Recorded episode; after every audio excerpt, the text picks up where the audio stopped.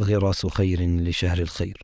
الرابع والعشرون من رمضان لعام 1444 ولا أقسم بالنفس اللوامة.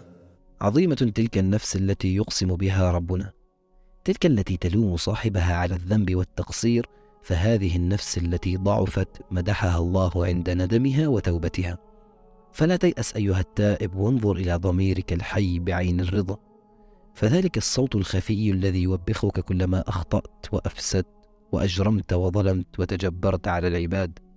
هو هدية ربانية إما أن تستمع لها وتتوقف عن ظلمك فيجري في صدرك جري النهر وإما أن تهمل تأنيبه وتتمادى في غيك فيضعف ويندثر.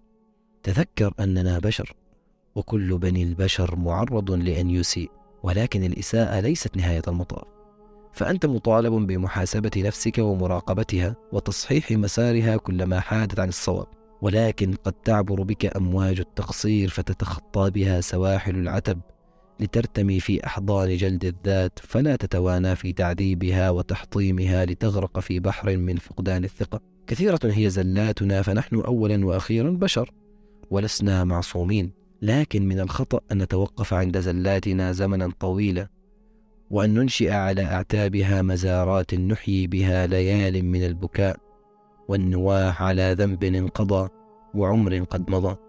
تذكر إن نفسك التي بين جنبيك ليست ملكك فلا يجوز لك الاعتداء عليها بالتعذيب والجلد إذ يوسوس لك الشيطان بأنك مذموم من ربك مبعد عنه بسبب ذنبك فتتمادى في حزنك وندمك.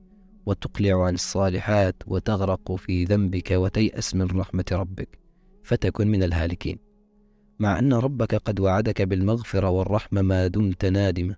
ومن يعمل سوءا أو يظلم نفسه ثم يستغفر الله يجد الله غفورا رحيما. عد لربك الرحيم عاهده على توبة نصوح تأمل نفسك اعرف أخطاءها ومزاياها. قومها عززها واستعن بربك ولا تعجز. اللهم آت نفوسنا تقواها وزكها أنت خير من زكاها أنت وليها ومولاها.